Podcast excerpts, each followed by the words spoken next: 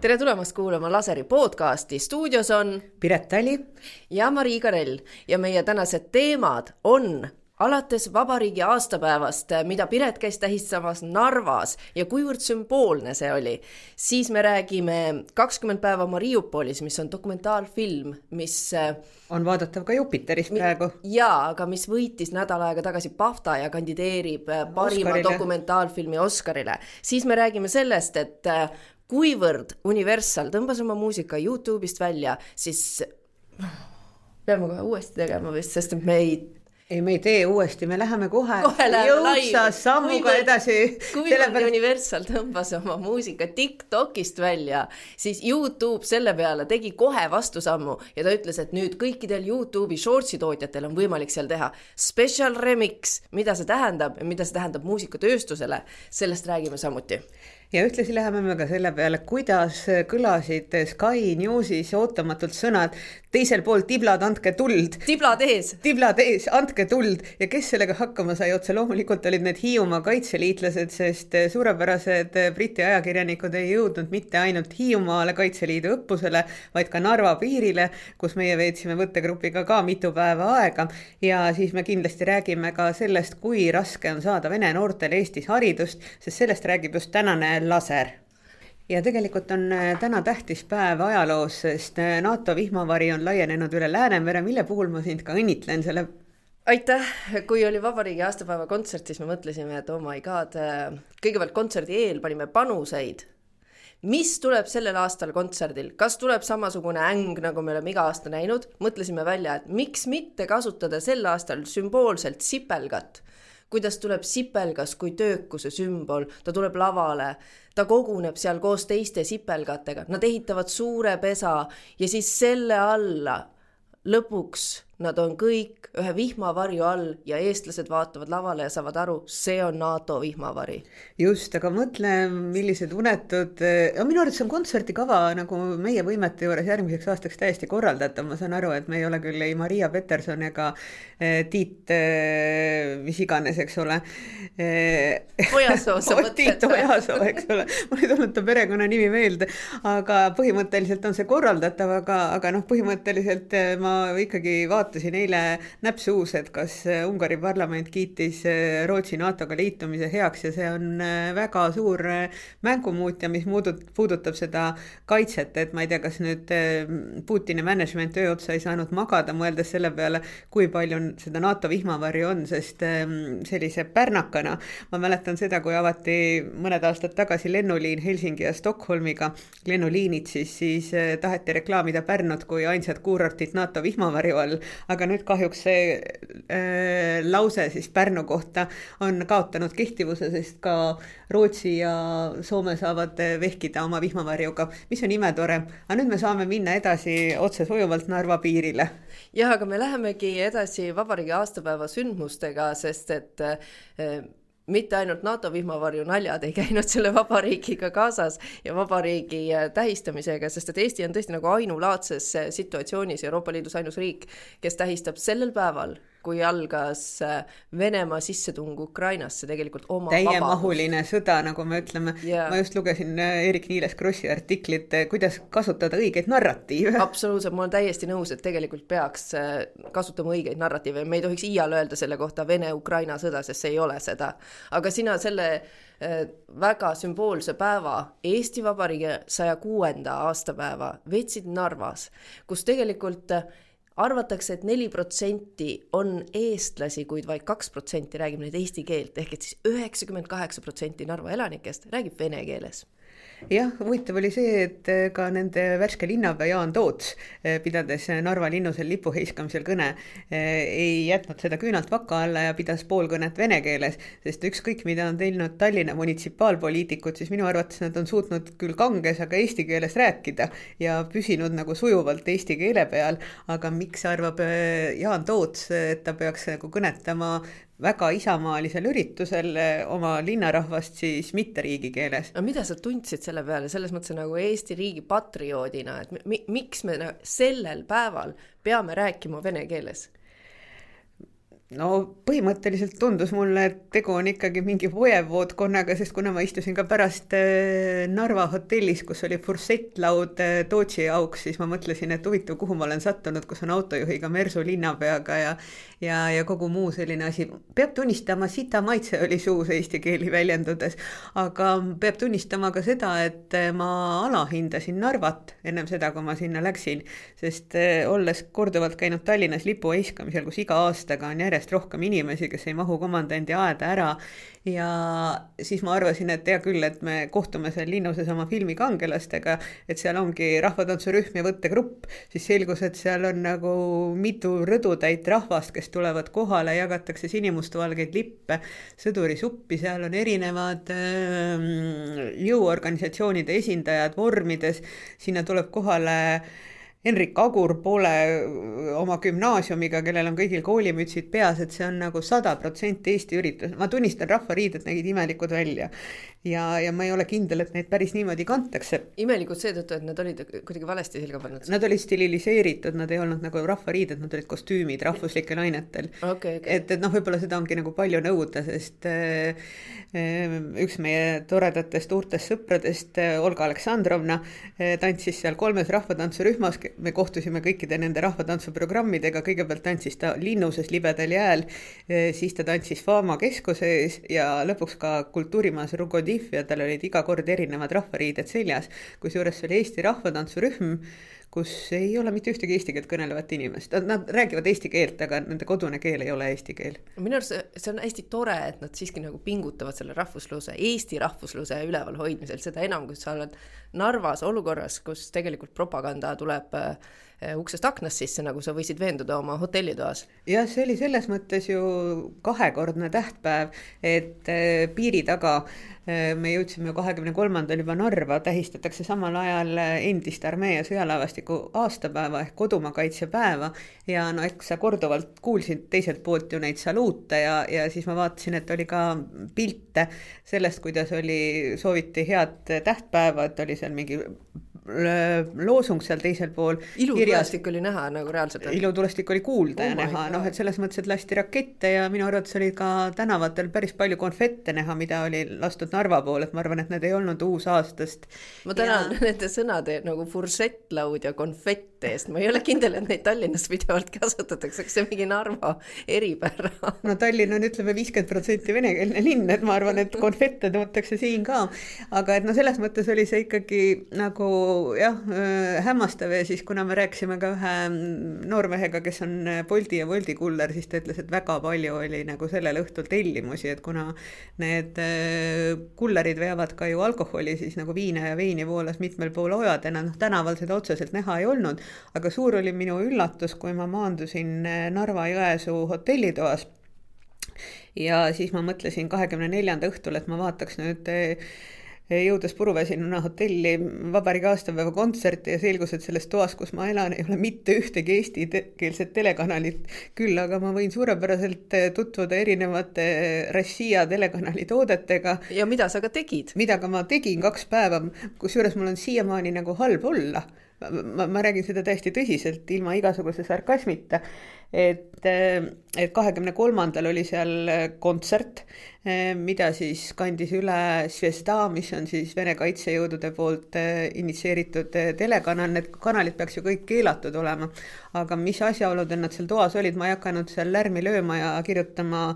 avaldust, aga et sealt tuli nagu väga konkreetselt sõda õhutav ideoloogiline programm, näiteks oli seal laul Sõidavad, sõidavad meie BTR-id ja BTR on mis asi? Äh, see on Mingi lahing, lahingsoomuk äh, ja, ja siis äh, kõik need esinejad põhimõtteliselt tundus, et on üle läinud terve Venemaa sujuvalt teisest maailmasõjast Äh, uude sõtta. Ja, ja siis, kui ma klõpsisin läbi seitse kanalit, sealt tuli lõpmatult nõukogudeaegseid sõjafilme, siis selliseid patriootlikke kontserte, siis tuli seal usukanal, oli vist Spassi oli see kanal. oota, võta, võtame kohe nagu äh, selle kanali kaupa on ju, Svesta, militaarkanal, see on siis äh, Venemaa kaitseministeeriumile kuuluv kanal tegelikult, eks ole. ja seal näiteks, kui kahekümne kolmandal oli seal äh, Rahvusvärvides kontsert, kus räägiti sellest, kuidas me ikka toetame rindel olevaid inimesi ja kirjutame neile ja saadame kingitusi, siis järgmine päev näidati seda, kuidas Z-märgisega tanke parandatakse. Et see oli nagu noh, nagu päris, päris hirmuäratav ja siis ma ei mäleta, kas see oli see kanal või oli see nagu klassikaline uudisteprogramm, et igalt poolt näidati Putinit uue lahinglennukiga, eh, mis oli vist eh, Tu sada kuus M, eh, millel on tuumavõimekus. Et see oli nagu noh, et Putin järjekordse lahinglennuki roolis, et noh, põhimõtteliselt kui sa ei ole harjunud nagu nägema Putinit nagu selles kontekstis, et ta ei ole sõjakurjategija, siis see oli nagu rõõmustav propagandatrikk sellest, et näed, me oleme ehitanud siin kusagil Kaasani kandis valmis äh, Tupolenski tehases uue imelise lennuki, mis muudab kogu sõja käiku ja see Tu sada kuuskümmend M ja siis president Putin võttis siis teha pooletunnise lennu sellega. jah, just et see oli nagu noh, see oli nagu täiesti hämmastav ja siis see usupropagandakanal oli ka nagu huvitav. Mille nimi on Spice? Spice jah, no päästmine. päästmine, okei okay ja, ja seal näitas kahekümne kolmanda õhtul äh, lugu sellest Afganistani veteranist, kellest on saanud preester ja kes käib mööda rinnet ja paneb äh, ikoonisarnaseid märke Vene sõdurite mundri peale ja õnnistab neid, noh, see on seesama asi, mille pärast siit, eks ole, erinevaid metropoliite välja saadeti, et nad õnnistavad sõda Ukraina rahva vastu. et noh, see kogu maailma pilt pöördus täiesti pahupidi ja, ja noh, selle asja krooniks oli muidugi noh, kui sa hakkasid välisuudiseid vaatama, siis jooksis juhe nagu kahesajaga kokku, sellepärast et seal oli lugu eh, sellest, kuidas eh, poolakad protesteerivad Ukraina vilja vastu ja, ja. mis, mis neile ei meeldinud Ukraina vilja puhul siis? Eh, no selles mõttes, et. väidetavalt nagu. Nende, ei noh, see uudis oli ka tegelikult meie kanalites, et nad löövad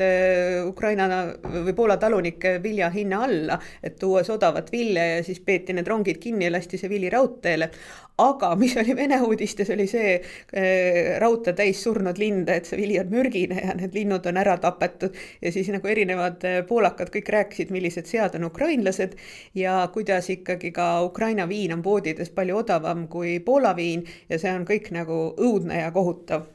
kuidas sulle tundus, kas need poolakad, kes siis arvan, esinesid ei... poolakatena päriselt olid need? Äh, ei, nad olid kindlasti poolakad, aga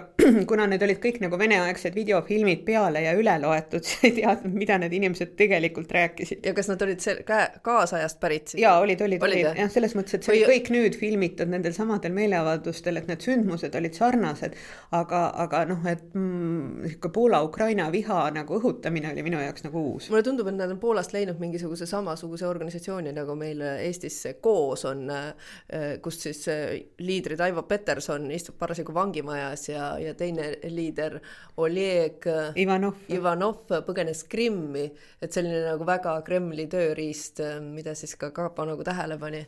Aga mind tabas kogu selle asja juures nagu suur mõistmine nende inimeste osas, kes istuvadki päevad läbi selliste kanalite ees. Ja, ja noh, kokkuvõttes ikkagi nagu pikalt tilkuv vesi jätab sulle pähe augu.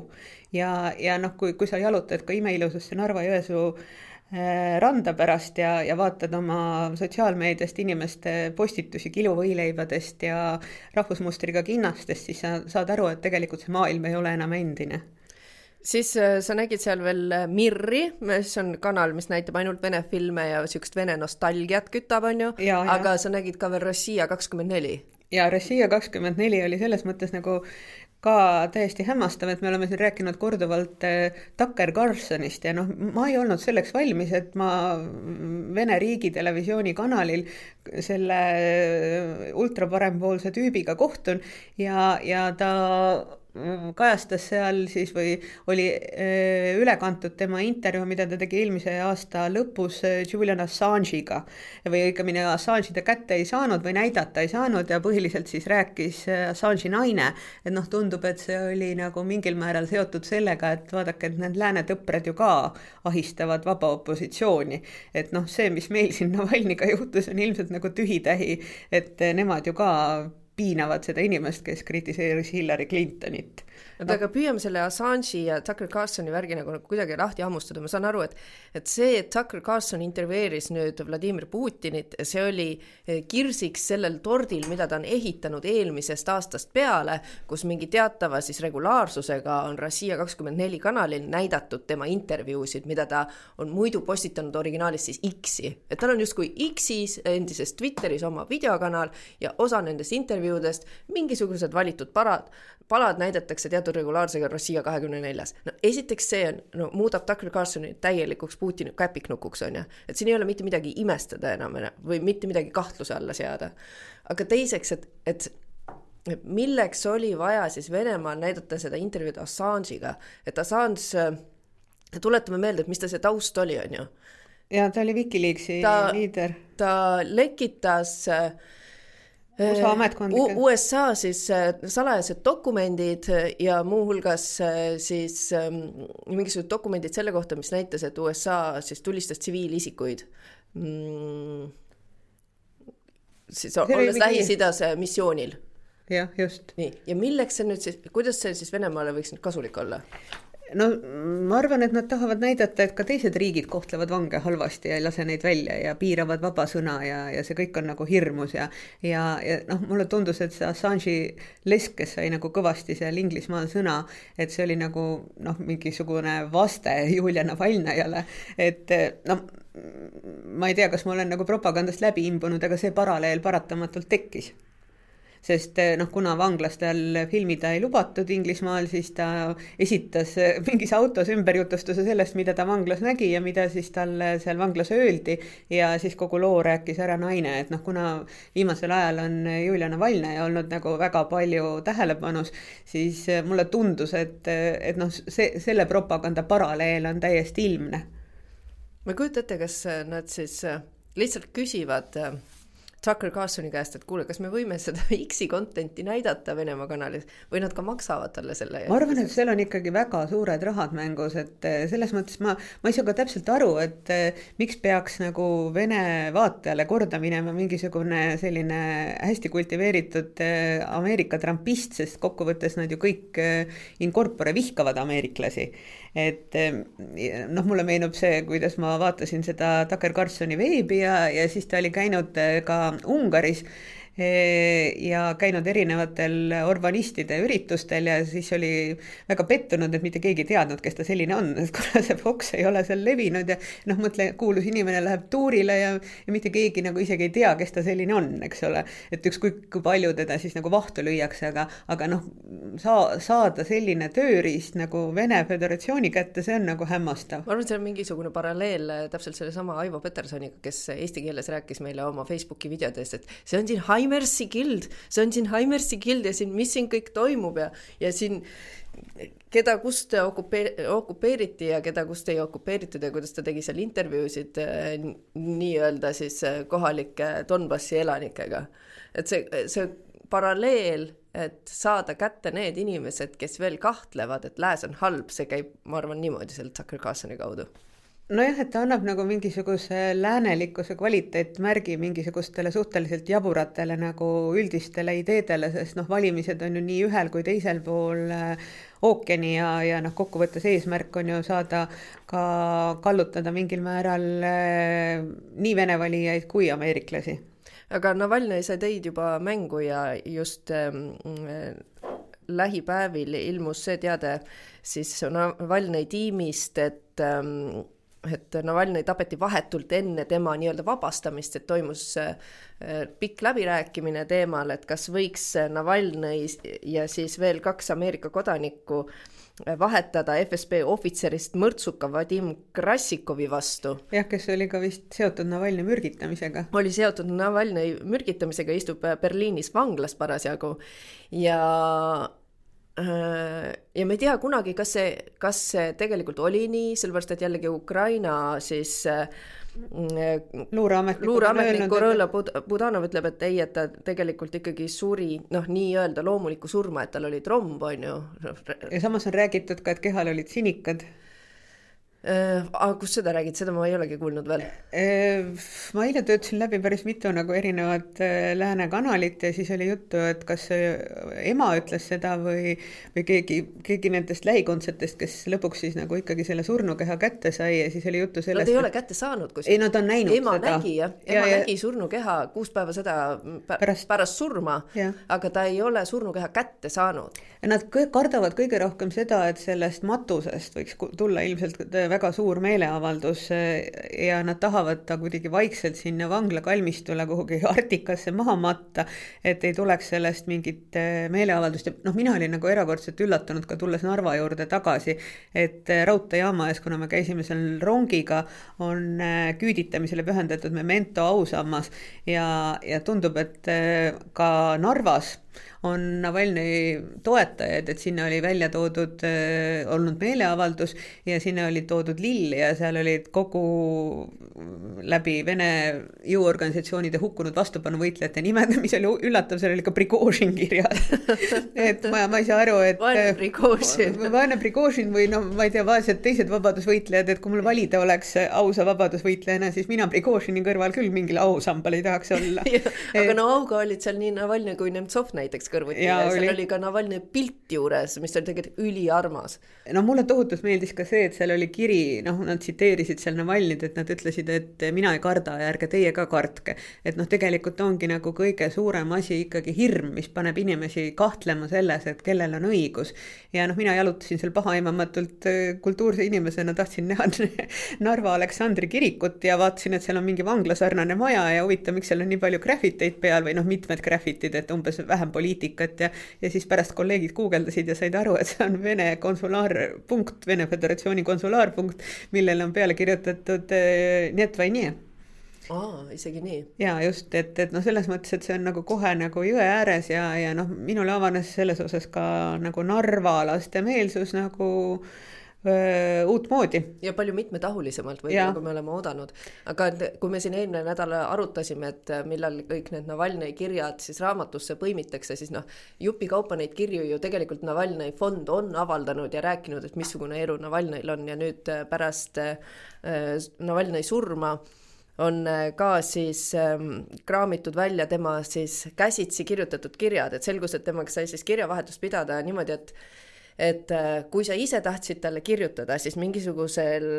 väga imelikul perioodil Putini valitsemise ajal on tehtud vanglates mingisugune liberaalne reform, et kui sina tahaksid kirjutada mõnele Venemaa vangis istuvale isikule, siis sa maksad nelikümmend senti, lähed äh, konkreetsele saidile sonatel.com.ru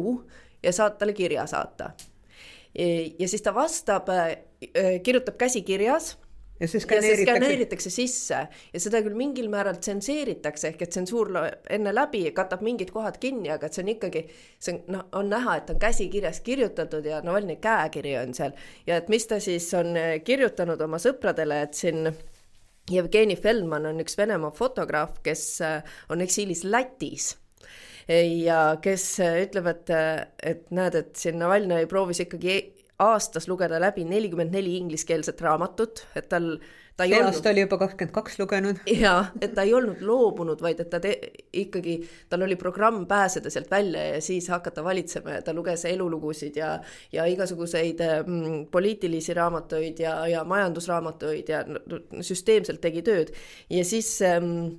ta ütles, et kui inimesed talle kirjutavad, et, et ta tunneb, et et teda haletsetakse palju, aga tegelikult ta tahaks, et rohkem räägitakse sellest, mismoodi läheb elu edasi väljaspool vanglat. et seal vanglas äh, tõepoolest süüa talle väga ei antud umbes leivakuubikud mingisuguse vee sees, aga et siis äh, ta ise armastas vestelda ja meenutada siis ähm, parimaid toite näiteks. et kas ta, täna tahaks. toidust ja kas, India karrist rääkis ta minu arvates päris palju. et kas täna tahaks äh, ke kebaabi või falafeli, et kumba eelistaks, eks ole. et natukese mängida nagu selle välismaailmaga, et missugused hüved ikkagi seal olid. ja need kirjad,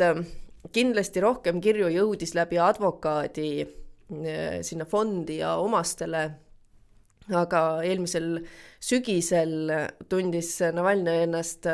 rohkem üksinda kui kunagi varem, sellepärast et arreteeriti kolm tema advokaati, kelle, kelle läbi ta muidu sai kirjavahetust pidada oma perekonna ja sõpradega ja advokaatide kohta öeldi, et siis see on ekstremistide grupp ja nad pandi lihtsalt vangi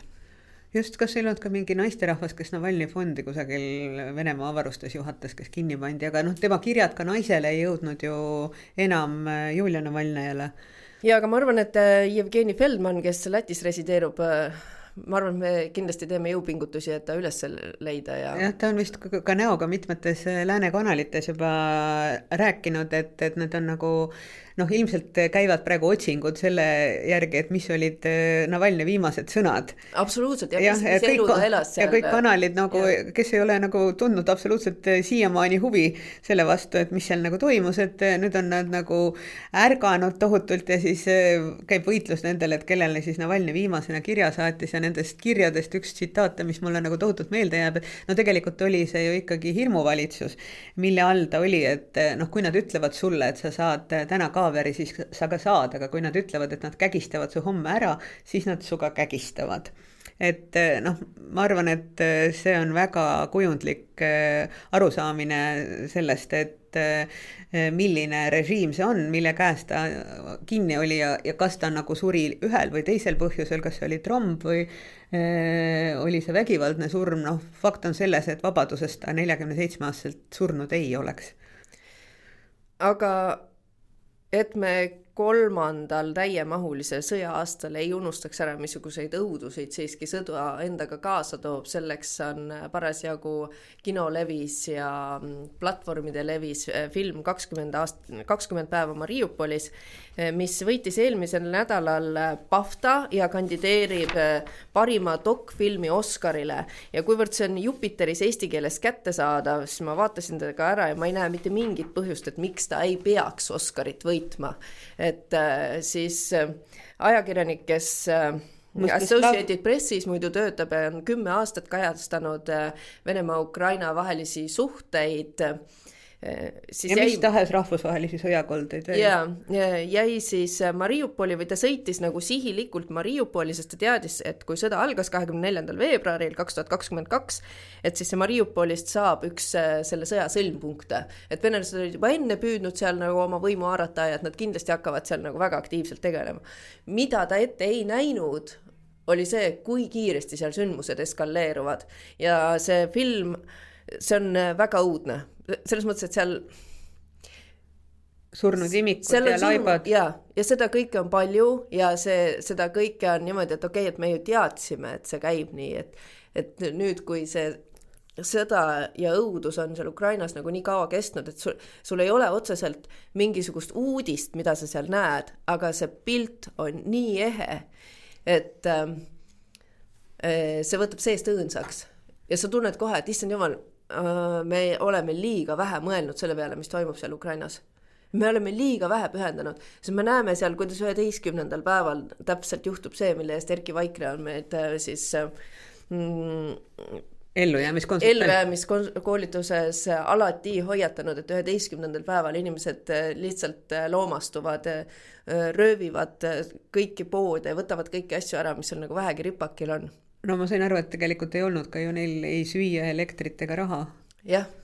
ja, ja Neil ei olnud mitte midagi ja siis, kuidas seal järjest neid imikuid ja lapsi tuuakse ja see on õudne ja siis sa mõtled, et oh my god, sa tunned ennast nagu kõiges süüdi, põhimõtteliselt kõiges. jah, et selles mõttes oli huvitav, et see Mstislav Tšernov on selle ajakirjaniku nimi, kes oli see operaator, et tegelikult ju need eh, videolõigud olid ainsad dokumendid, mida sealt vabasse maailma jõudis, et kuna seal oli probleeme leviga, kõik mastid olid maas, siis ta kirjeldaski seda, kuidas ta oma filmitud materjali jagas erinevateks juppideks ja siis tal õnnestus kolm telefoni korraks levisse saada. ja need eh, dokumendid sellest, mis tegelikult toimus, olid maailmas, sest noh, mina olin neid lugusid näinud, aga ma ei olnud õrna aimugi sellest, kuidas kuidas neid või, või mis hinnaga neid tehti, et, et noh, ma ei arvanud seda, et sinna jäid ka nagu ajakirjanikud lõksu ja siis nad ju päriselt otsustasid kiirabibrigaadidega kaasas käia, et nad nägidki väga palju surma ja kuna ta tõi sinna ka paralleeli oma lastega ja ta oli arvestanud sellega, et kui ta tõesti Vene vägede kätte vangi jääb, et siis ta sealt eluga ei pääse, kuna ta on lääne ajakirjanik ja ilmselt ta lõpetab ka samamoodi nagu selles äh, ühishauas. et äh, sageli nagu ei suudeta aru saada sellest, mis hinnaga need kaadrid sinna välismeediasse jõuavad. et äh, olles ka mitme rinde korrespondendiga suhelnud elus, siis tegelikult ei ole see vähem kahjustav töö kui sõduritel, kes ei välju sellest enam kunagi päris nagu tavalise inimesena. Venemaa kindlasti on väga pahane selle dokumentalisti peale, sest et just tema käest jõudsid siis kaadrid ähm, haigla ründamisest meediasse ja äh, fotod sellest, kuidas rase naine justkui sellise lina peal, mis näeb välja nagu maasikakirju punase ja rohelisega ja tal on suur kõht siin kanderaami peal sellel naisel ja teda transporditakse haiglast välja, sest Venemaa on just rünnanud haiglat ma mäletan isegi, kuidas siis arutleti, et kas see naine jäi ellu, kas ta, mis temaga edasi sai. Ja Venemaa asus tegema propagandat ja ütles, et kõik need naised ja kõik need rasedad, keda te nägite nendel piltidel. Need on mannekeenid, need on näitlejad, just. Need on näitlejad ja nad tegid oma rolli seal ja et Ukraina tahab näidata, et Venemaa on paha, aga tegelikkuses see naine ei pääsenud, ta suri ja tema laps suri ka jah, et selles mõttes on see nagu just nagu see, et mis, mis tegelikult toimus ja mis hinnaga sellised Äh, kaadrid vabasse maailma jõuavad ja noh, tegelikult äh, näitab see ka seda, et samamoodi võib olla nii kaamera, mikrofon kui ajakirjanduslik sõnarelv, sest noh, minu jaoks oli kõige mõjusam see, kuidas seda oli kokku lõigatud, neid reaalseid kaadreid nagu Vene propagandaga, et noh, tegelikult seda ei olnud ja päriselt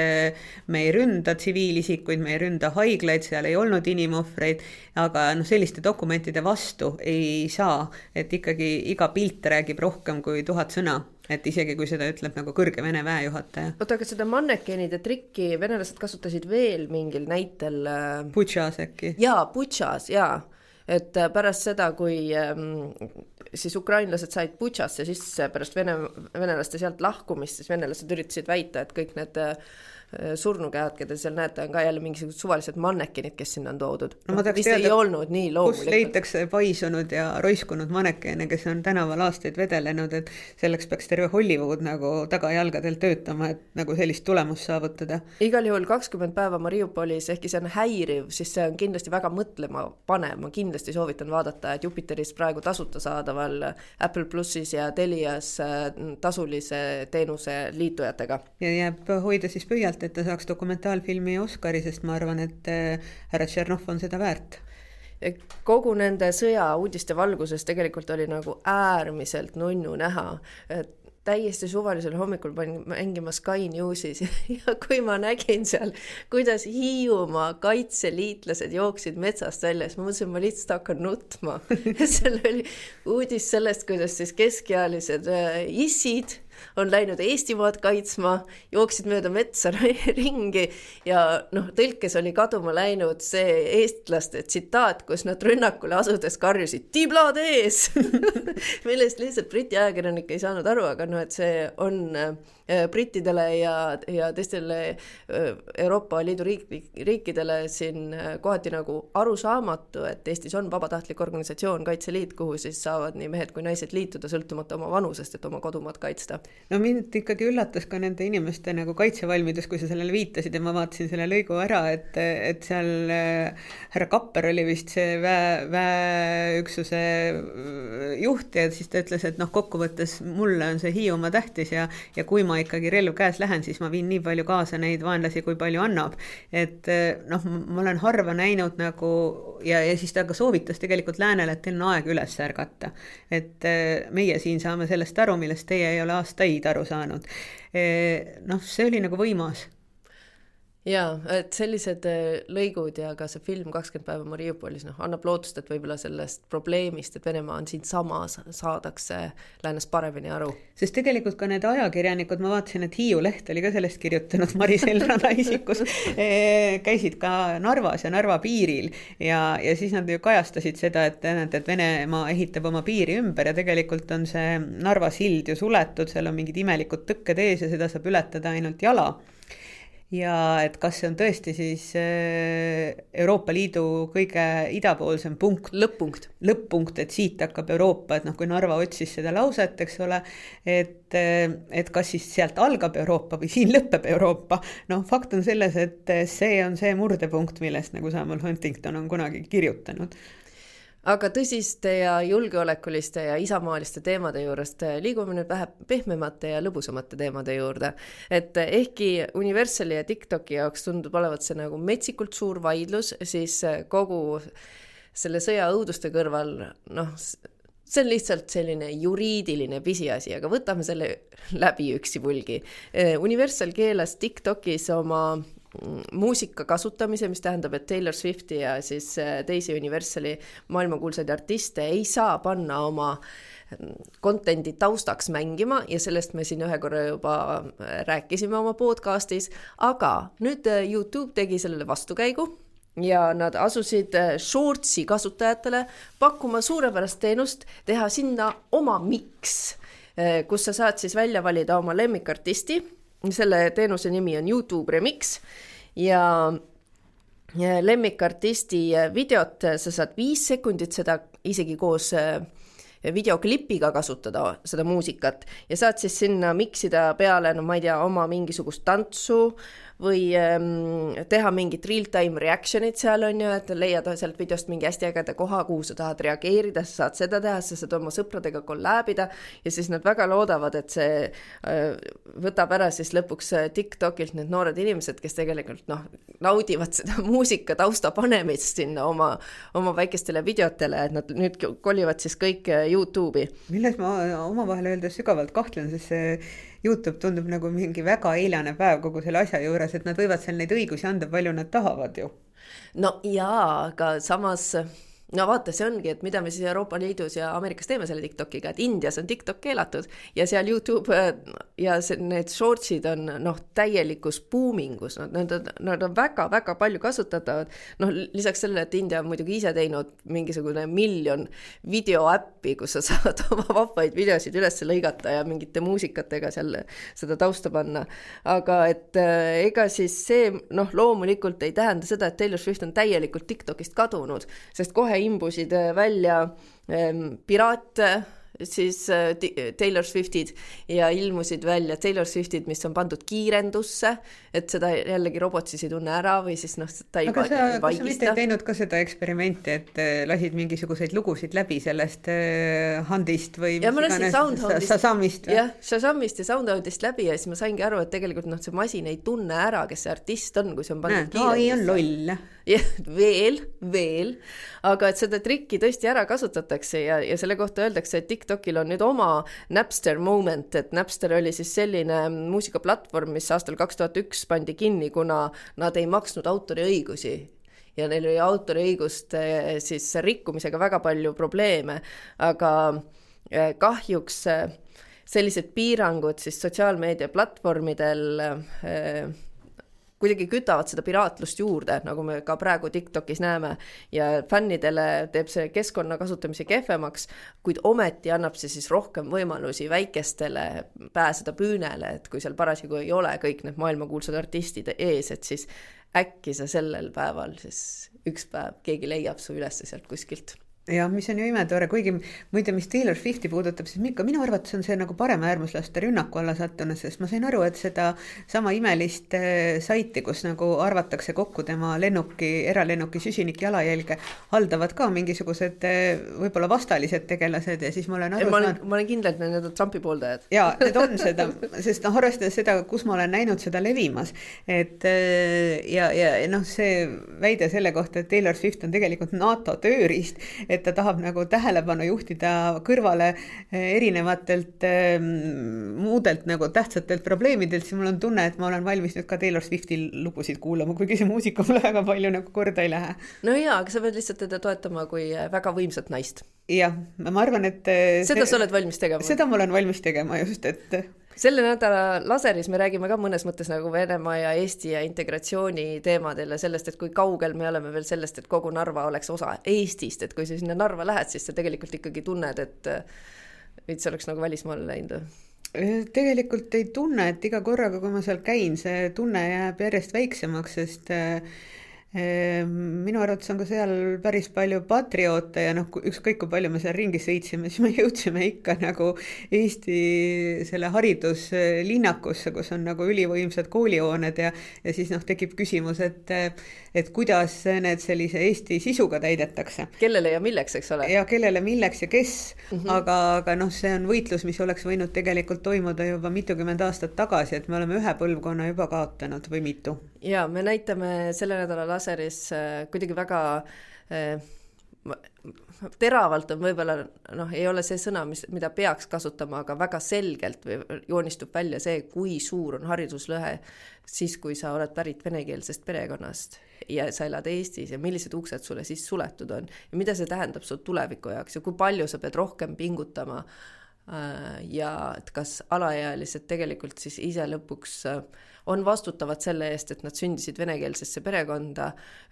majanduslikult võib-olla mitte kõige paremal järjel olevasse perekonda ja et kuidas sealt siis välja rabeleda? No tegelikult on ju küsimus selles, et nad on usaldanud Eesti riigi pakutavat venekeelset haridust ja et see venekeelne haridus annab neile piisavalt hea eesti keele oskuse. aga variant on ju selles, et eh, kuna meil on kolm kangelast, kaks tüdrukut, kes on pärit Narvast, kes tulid siis õpilasvahetuse korras Tallinnasse kooli, aga meil on ka noormees, kes on Tallinnast ja õppis Läänemere gümnaasiumis keelekümblusklassis, Kirill on ta nimi, ja ta unistas sellest, et ta pärast põhikooli lõppu astub ühte Tallinna eliitkooli ja noh, ma vaatasin, noormees on võitnud mitmeid reaalolümpiaade, tegeleb, mängib Vene teatris, mängib kitarri, tegeleb spordiga, imetore noormees aga kahjuks noormees ei kvalifitseerunud absoluutselt eh, koolikatsetel, sellepärast et ta ei saanud aru matemaatika ülesannetest ja füüsika ülesannetest eesti keeles ja ta isegi ei kutsutud vestlusele ja ta läks taaskord, eks ole, venekeelsesse gümnaasiumisse ja tema jaoks on Vabaduse väljak see hariduslõhe,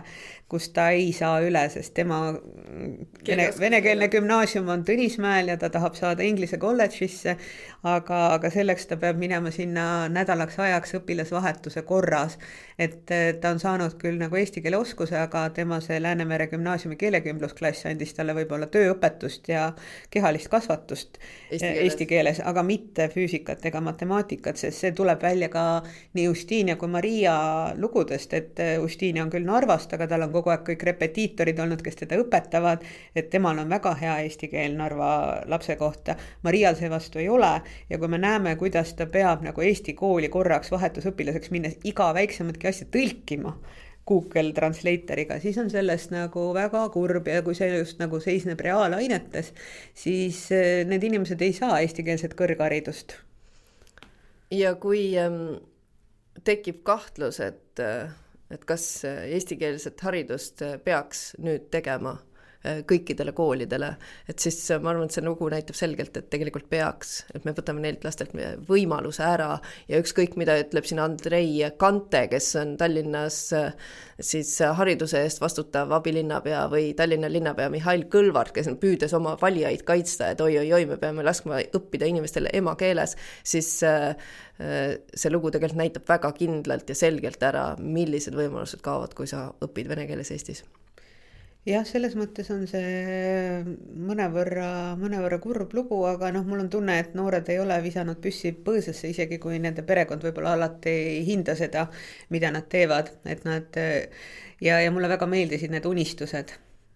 et üks tahab Muubasse saada, üks tahab Tartu Ülikooli saada, üks tahab, eks ole, Tallinna eliitkooli saada ja noh, nad teavad, kuhu nad tahavad jõuda aitäh, et te meid kuulasite mm, kuulake meie podcasti ikka igal teisipäeval sealt, kust te oma podcast'e kuulate. me paneme eh, sinu siis Narva seikluse pildid vabariigi aastapäevast eh, üles meie Twitteri kontole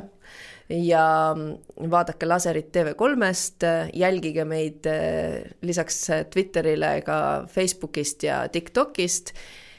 ja. soovin ka Jaan Tootsile julgust jätkuvalt Narvas rääkida eesti keeles. ja, ja lõike Youtube'ist meid samuti üles Lasertech märgusõna alt. järgmise nädalani